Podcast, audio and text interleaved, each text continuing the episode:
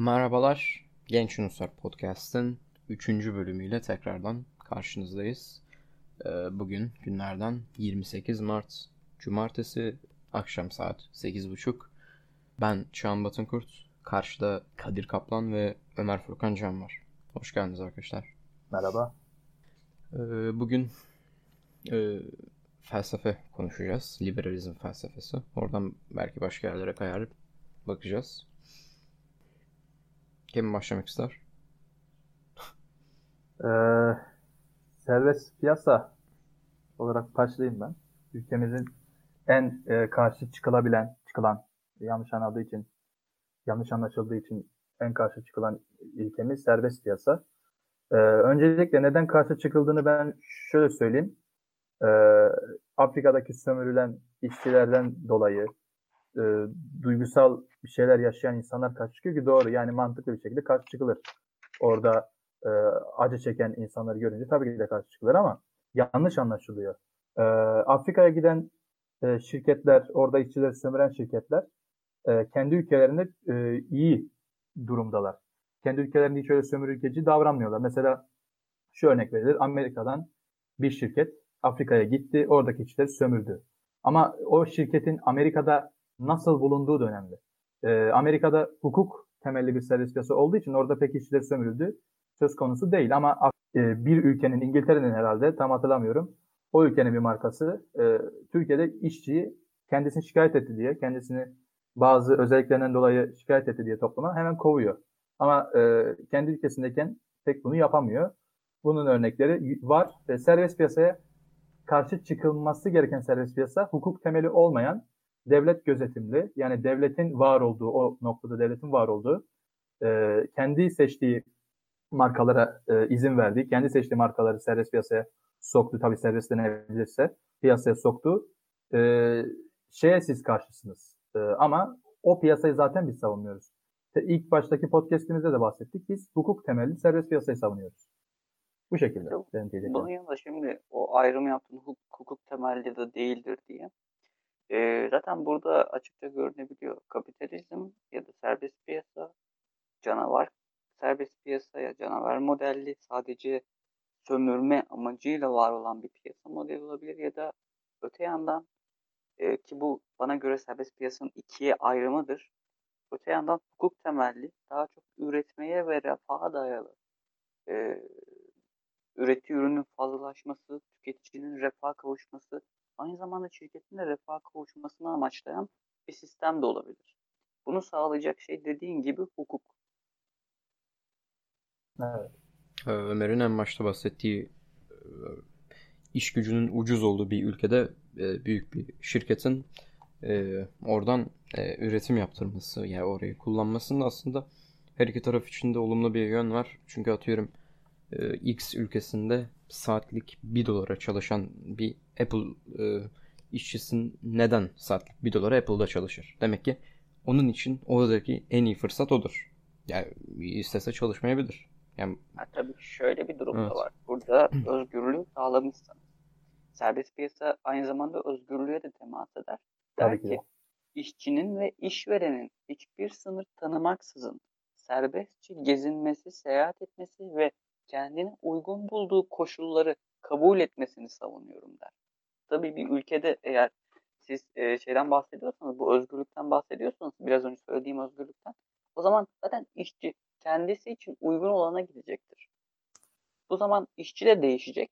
Yani yer değiştirecek, şirket değiştirecek. Şirket de işçi değiştirebilecek. Mekan değiştirebilecek. Bu şekilde ikisinin de maksimum refah söz konusu olacak. Ben bir de şundan bahsedeyim. Ee, özgürlük konusu gerçekten çok önemli. Ee, bireyin özgür olması.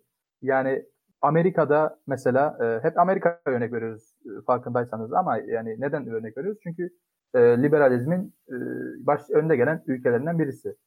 Şimdi Amerika'da mesela Apple nasıl kuruldu?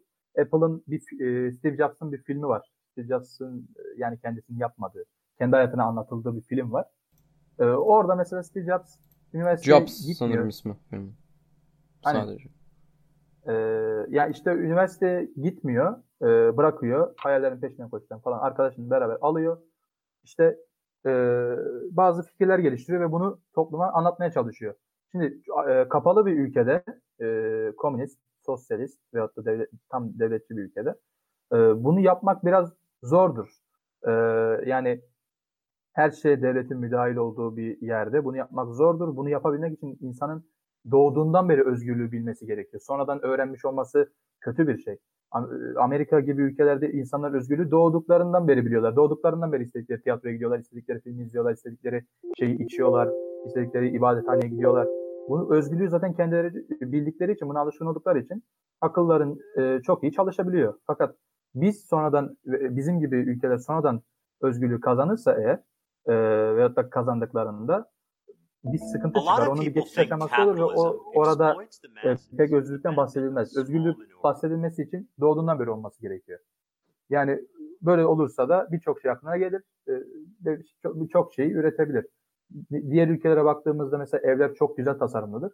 Ama Türkiye'nin evlerine baktığımızda hepsi küp küptür. Neden? E, çeşitli sanat şeylerini e, alışamadığımız için.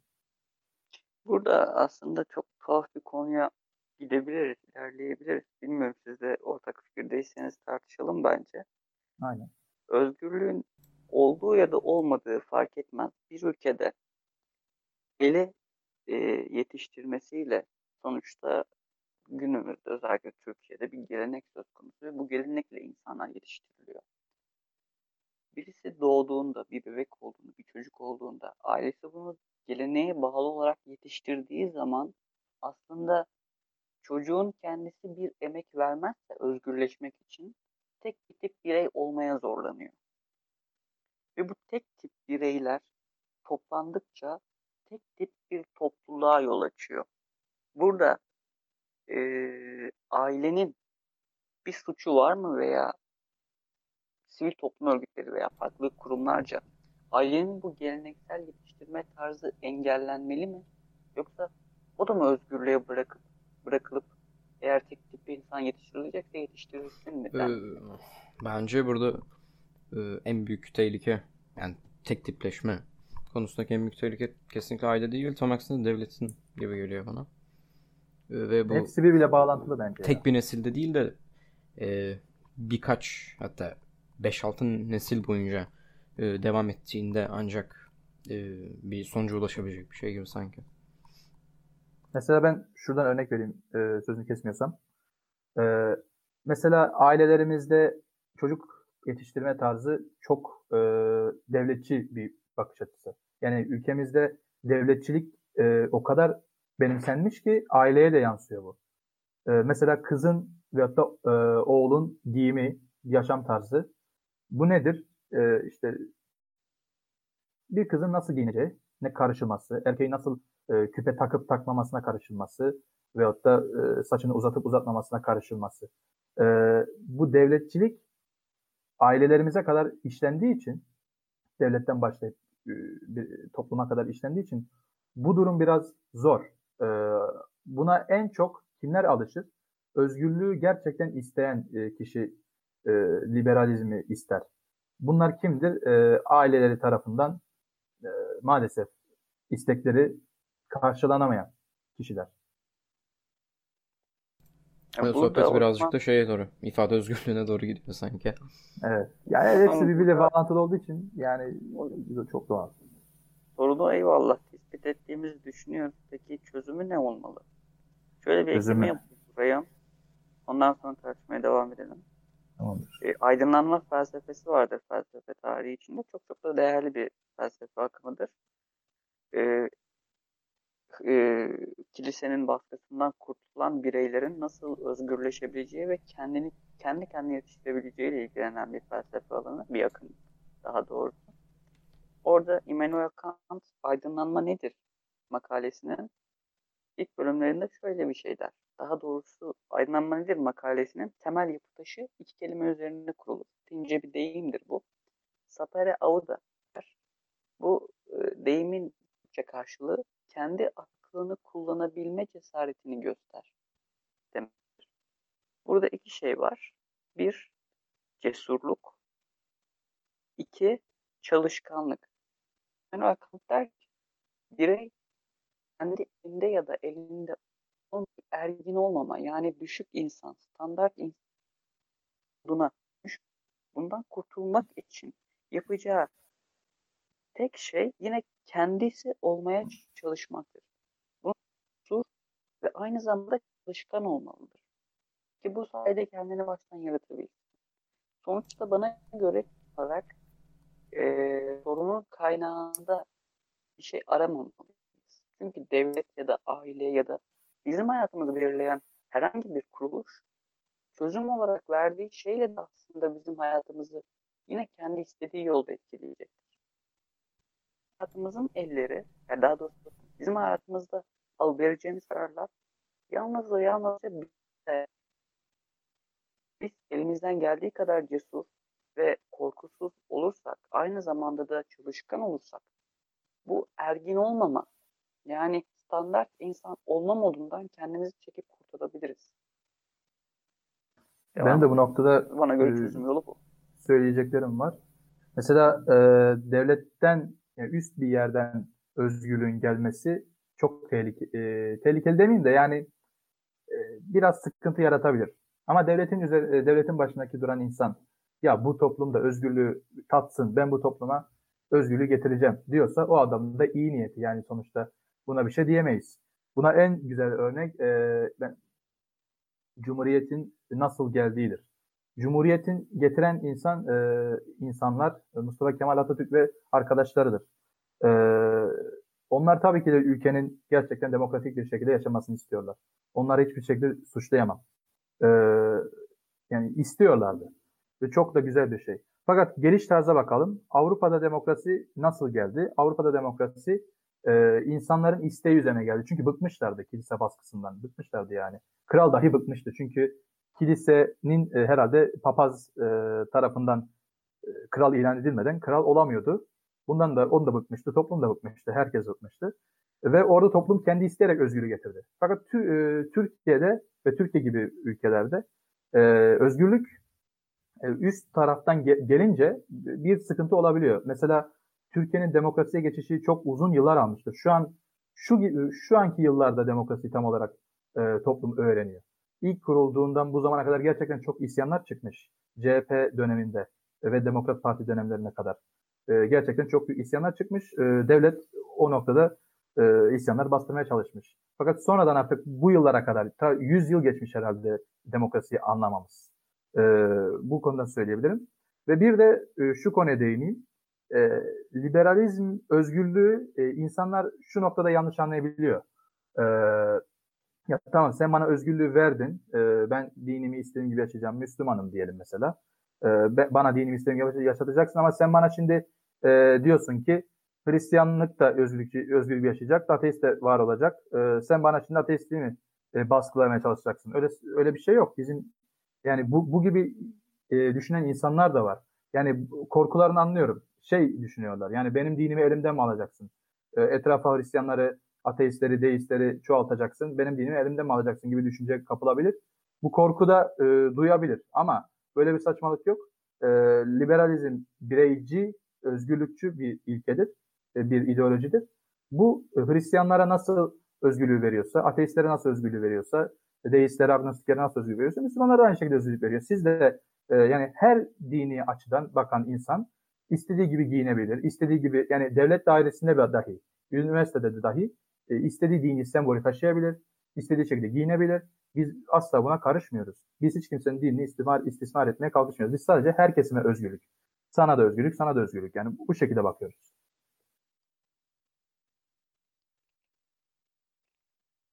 Şimdi senin bahsettiğin bu Avrupa'nın daha ya daha, daha doğrusu özgürlüğü istemesi ve Türkiye'nin özgürlüğünü üstten elde etmesi.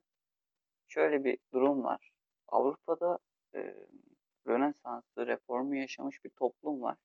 Türkiye'de bunlara uzaktan tanıklık eden Cumhuriyet dönemi ve Cumhuriyet'ten önceki Tanzimat döneminde Avrupa'dan bu özgürlük anlayışını öğrenmeye çalışan bir toplum var. Zaten bu aslında doğulu toplumların kaderi gibi bir şey. İlk başa döndüğün zaman e, Gazali döneminde 1200 900'lerle milattan sonra 900'lerle 1200'ler arasında İslam'ın bilim yönünde çok üstün olduğu bir dönem var. İslam'ın altın çağı deniyor bu döneme. İşte bu Gazalilerin, İbn Sina'ların, e, Farabilerin yetiştiği dönem. Çok büyük e, bilimsel atılımlar var. Bu dönem de kökenini Antik Yunan'dan alıyor. Antik Yunan'daki bilgi birikimi ve o zamanın felsefesi Avrupa'ya ihraç ediliyor ve o şekilde aslında biz bilimi anlıyoruz, felsefeyi anlıyoruz. Aynı şekilde Cumhuriyet ve Tanzimat döneminde de e, Avrupa'dan özgürlüğü, felsefeyi, bilimi tercüme etmeye çalıştık. Kendimize çekmeye çalıştık. Bu da birazcık kültürel bir geri kalmışlığımızın işareti. Sonuçta Avrupa'da bahsettiğim gibi reformu Rönesans yaşamış bir toplum varken biz hala hiçbir şey yaşayamadan kendi halimizde kavrulup gidiyorduk. Bu yüzden aslında bilmiyorum yine bir tartışma konusu aslında e, medeni hale gelmek için topluma zorlama yapılabilir mi? Çünkü kültür dediğimiz şey çok hantal işleyen bir şey. Birisine daha doğrusu bir topluma özgürlüğü öğretmek yıllarınızı alır. Fakat devlet müdahalesi ya da üst bir mercinin müdahalesiyle özgürlüğü daha kısa bir zamanda topluma öğretebilirsiniz. Yani e, özgürlüğü yaşatmamız gerekiyor. Yani e, o insanın gerçekten özgürlüğü isteyecek duruma gelmesi gerekiyor. E, ne olduğunu bilmediği şeyi anlayamaz. Zorla anlatamazsın ona. Şu bence çok yani rasyonel ve doğru bir kullanım. Ya çünkü mesela şöyle bir örnek vereyim size. Daha sonra dediğimi anlatayım. istediğim şey yani anlatmak istediğim şeyi anlatayım. Silah icat olmuştur. Siz silahla birini öldürmek üzere olan bir hırsızı da öldürebilirsiniz. Ee, yoksa masum birisini de öldürebilirsiniz. Bu sizin silahı kullanım amacınıza bağlıdır. Bu şekilde aslında devlet de elinde tuttuğu kurumları, kuruluşları doğru yolda kullanabilir. Bu topluma bir faydadır. Ama bu devletin o kurum ve kuruluşları elinde tutması anlamına gelmez. Çünkü devlet değişken anlayışı nedeniyle biraz önce bunu doğru kullanmışken birkaç gün sonra yanlış da kullanmaya başlayabilir. Nasıl anlatmak istediğim şey? Mesela TRT var o kadar. Veya diğer kurum ve kuruluşları var devletin sosyal medya ya da medya ağında. Burada felsefe öğretebilir, kişisel gelişim için bir şeyler öğretebilir. Yani bunları yapabilir. Bunlar gayet normal, doğal bana göre. Fakat bir yerden sonra da zaten halk bunu öğrendikten sonra bilimi, felsefeyi veya özgürlüğü kendi içinde makamlar var edecek, şirketler var edecek ve onların öğretmesini sağlayacaktır. Ve bu şekilde devlet aradan çekilecektir. Her şeyden önce yani en başta bence toplum bazında düşünülmesi gerekiyor bunun. Çünkü atıyorum toplumda yani toplam e, nüfusun içinde bir kişi eğer herkesin bir tabu olarak gördüğü ve e, koşulsuz kabul ettiği bir şeyi eleştirebiliyorsa ya da herkes e, siyaha siyah derken o beyaz diyebiliyorsa ve e, eğer diğerleri buna saygı duymuyor onu eziyorlarsa devlet aynı şekilde eziyorsa burada e, yeni bir fikrin yeni bir e, teknolojinin hiçbir şeyin doğması e, kesinlikle mümkün değildir. Ben de şunu ha, pardon. Devam öylesine beklemeyin. Ee, şunu söylemek istiyorum. Ee, az önce ben yaşatmamız gerekiyor derken özgürlüğü yani özgürlüğü isteyecek konuma gelmesi gerekiyor ki insanın özgürlüğü istesin. Onu demek istedim. Yanlış anlaşılmasın. Yaşatmamız gerekiyor derken üstten verilmesi anlamına söylememiştim. Şunu eklemek istiyorum. Mesela e, o batı örneği çok iyi. Yani e, Rönesans'ı bizzat yaşamış olan insanlar örneği çok iyi. Şu anda bile şunu görüyoruz Türkiye'de mesela. Medyada her zaman haberlere her zaman çıkan şehir İstanbul abi. Yani bundan ben yani bak İstanbul'da nefret etmiyorum. İstanbul'un her zaman gösterilmesine nefret ediyorum. Ya biraz da Hakkari'yi göster, biraz da e, Osmaniye'yi göster, biraz da ne bileyim Iğdır'ı göster, biraz da Eskişehir'i veyahut da başka şehirleri de göster. Hep Ankara, İstanbul, Antalya, İzmir. Yani dünya e, Türkiye'yi sanki hiç e, olmamış gibi olmamış bir şeymiş gibi dışarı tanıtmaya hiç gerek yok. Türkiye'nin olumsuz yönlerini de olumlu yönlerini tanıtman gerekiyor. Yani sanki her zaman İstanbul'u gösterince Türkiye çok medeni olacak. Hayır öyle saçma olmaz bence. Yani aynı değeri e, diğer şehirlere de vermen gerekiyor. Her zaman benim gördüğüm e, haberlerde izlediğim şehir İstanbul ve şehir e, seçimlerde de bizzat e, en konu olan sanki Türkiye'nin genel seçimi se, genel seçimiymiş gibi gündeme gelen şehir İstanbul. Yani e, İstanbul tamam güzel bir şehir de yani e, başkentimiz mesela İstanbul değil. E, başka şehirlerimiz de var. Bunu hiç düşünen yok. Sanki Türkiye İstanbul'dan ibaretmiş gibi oluyor. Ben bundan canım sıkılıyor yani. Ya seçim örneğinde olay tamamen barındırdığı nüfusa kıyasla aldığı oy oranı yani. O, o tamamen alakası olabilir ama bilmiyorum yani bahsettiğinin nasıl değerlendirmemiz gerekir. Seçimde toplayacağın kaynak da var. Yani mesela bir parti evet, tabii, İstanbulluk seçimini kazandıysa ona vereceği, e, halkın vereceği kaynak var. Eğer sen evet. vergi alıp 10 alıp bir, bir tane hizmet yapıyorsan ve geri kalan 9'u genel merkeze aktarıyorsan İstanbul konusunda çok büyük bir şekilde e, savaş açman, çok kritik bir şeymiş gibi görmen gayet doğal. Çünkü oradan bir kazancın var. Öbür ya, yandan evet. haber merkezlerinin işte İstanbul'u göstermesi falan. Aslında bu doğal bir şey ama karşı konulması gereken bir şey. Çünkü nüfusun büyük bir çoğunluğu orada yaşıyor. Yani orada çok olay oluyor. Ben tehlikeli bir şey göremiyorum bunda. Yani, ya ben e, şunu ya şunu demek istiyorum ben. İstanbul'da yaşayan insanların hep haberlerde gösterilmesi, diğer şehirlerde yaşayan insanların kendisini değersiz hissetmesi diye düşünüyorum. Mesela Osmaniye'de yaş, e, yani görüyorum o şehri. E, bakıyorum haberlere geçtiğinde Osmaniye, e, vay be işte şehrimiz haberlere geçmiş, Osmaniye'de bu mu olmuş acaba diyen insanları görüyorum. Yani ilk defa sanki haberlerde görmüşler. Unutulmuş bir şehir gibi. E, mesela başka Güneydoğu'da e, bir şehri e, haberlere çıktığında vay be işte bizim şehrimizi gösterdiler. E, unuttular da bizi ya, falan. Tabii ki. Yani evet. bir e, nasıl diyeyim önemli hissetmeleri gerekiyor kendilerini. Bunu demeye çalışıyorum. Türkiye'nin birçok şey bölgesinde zaten böyle unutulmuş evet. bölge dediğiniz yerler mutlaka Aynen. oluyor. Eskiden böyle işte gezi programları olurdu ya bir yere, bir yere gider yemek falan yerde. O programlarda bizim eski köyümüz çıkardı. Ondan sonra tüm aile telefona koşar. Tanıdıklarını ararlardı. Bakın bizim Aynen. köy çıkmış hadi izleyin falan derlerdi. Çok kötü bir şey bu ya. ya yani değersiz hissediyorlar kendilerini. Bu çok kötü bir şey. Nasıl konuşabiliriz veya çözebiliriz? Şöyle bir durum var.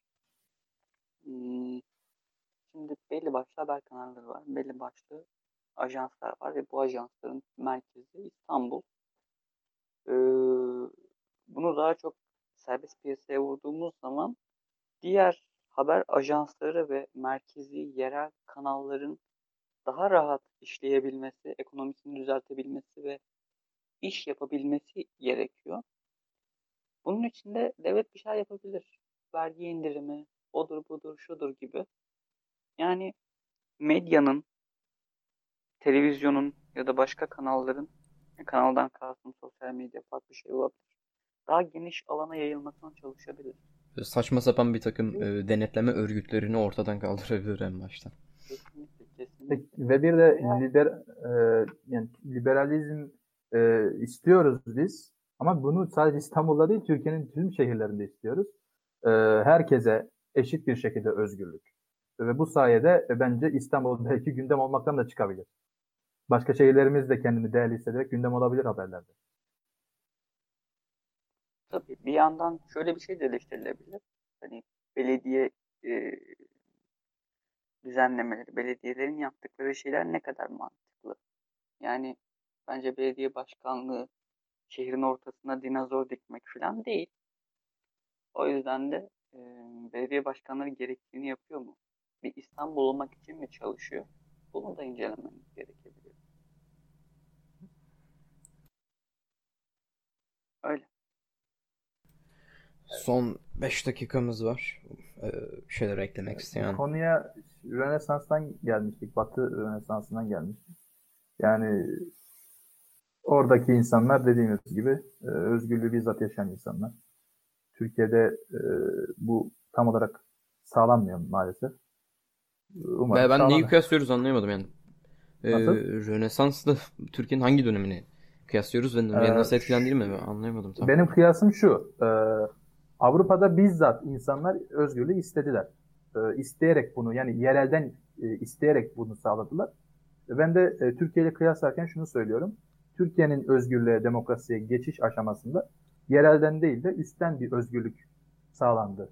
E, bunu eleştiriyorum. Ama yani bu, şunu söylemiyorum. Üstten verenler e, kötü şey yaptılar demiyorum. E, onlar Türkiye'nin özgürleşmesini isteyip de bunu sağlamış olabilirler. Bu çok yani güzel bir istek. Ama e, maalesef kötü sonuçları da olabiliyor. E, bu döneme vurduğumuzda 100 yıl geçmesine rağmen insanlarımızın e, demokrasi anlayışının zayıf kalması buna e, bundan dolayı olduğunu düşünüyorum. Çünkü yerelden gelmiş bir istek değil. Bundan dolayı. Ama e, dediğim gibi e, lütfen bana e, bu podcast'i dinleyenler Atatürk düşmanı demesinler. Atatürk yok, yok, ben kesinlikle öz, katılıyorum sana. Yani özgürlüğü e, istiyor olabilir. Bu çok güzel bir istek. Fakat dediğim gibi e, burada, maalesef bu şekilde. Sanırım Türkiye Cumhuriyeti'nin kurulmasının e, başarısız aşaması, evet. bir demokratikleşme e, macerası Aynen. olduğunu söylüyorsun. Ama şu anda e, tattı, insanlarımız tattı. Bazı kişilerin yanlış politikaları sebebiyle insanlarımız özgürlüğü gerçekten çok istiyorlar. Bu beni sevindiriyor. Ne kadar kaldı zamanımız? Ee, iki dakika. Ha, tamam, güzel bir şey diyeyim ben o zaman. Bu bireysellik ve bireycilik hakkında konuştuk. Birazcık motivasyon olsun dinleyen arkadaşlara da. Ee, 1600 yıllarında bu Katolik Kilisesi'nin Engizisyon Mahkemesi'nin e, idam ettiği, sapkın olarak nitelendirip idam ettiği birisi var. Bruno diye. Kendisi bir bilim adamı ve bilimi savunduğu için idam ediliyor. İdam edilmeden önce şunu diyor Bruno. Tanrı iradesini ha- hakim kılmak için yeryüzündeki iyi insanları kullanır. Yeryüzündeki kötü insanlar ise kendi iradelerini hakim kılmak için Tanrı'yı kullanırlar. Yani siyahı siyah değil de beyaz olarak görüyorsanız beyaz demekten korkmayın. Yani aynı şey gibi dünya düz kabul edenlerin arasında yuvarlak kabul eden de, dediği gibi. Zaten tabii, tabii. korkan insanlar olduğu sürece değişmek mümkün değildir. Değişmek imkansızdır. E, aynı bataklıkta çırpınır dururuz amca. Aynen. Evet. Bitti galiba. Ha, çok anarşist bir sonla e, bitiriyoruz sanırım. Hadi Ömer son sözünü söyle Ömer. Nasıl? Son sözünü Ömer kapanışı söyle. yapabilirsin. Siz e, yo anarşist değiliz ha. Onu da şey yapmayalım da şimdi. Aman ha. Biz devlet, devleti savunuyoruz ama sınırlı bir devleti savunuyoruz. Neydi o? Liberal günlerde buluşmak üzere. Evet. ya seviyorum yani onu ya. Umut verici bir söz. Ki ben istiyorum böyle bir şey. Güzel. Bak. Neyse hoşçakalın. Hoşçakalın o zaman. Haftaya görüşürüz. Liberal günlerde kalın.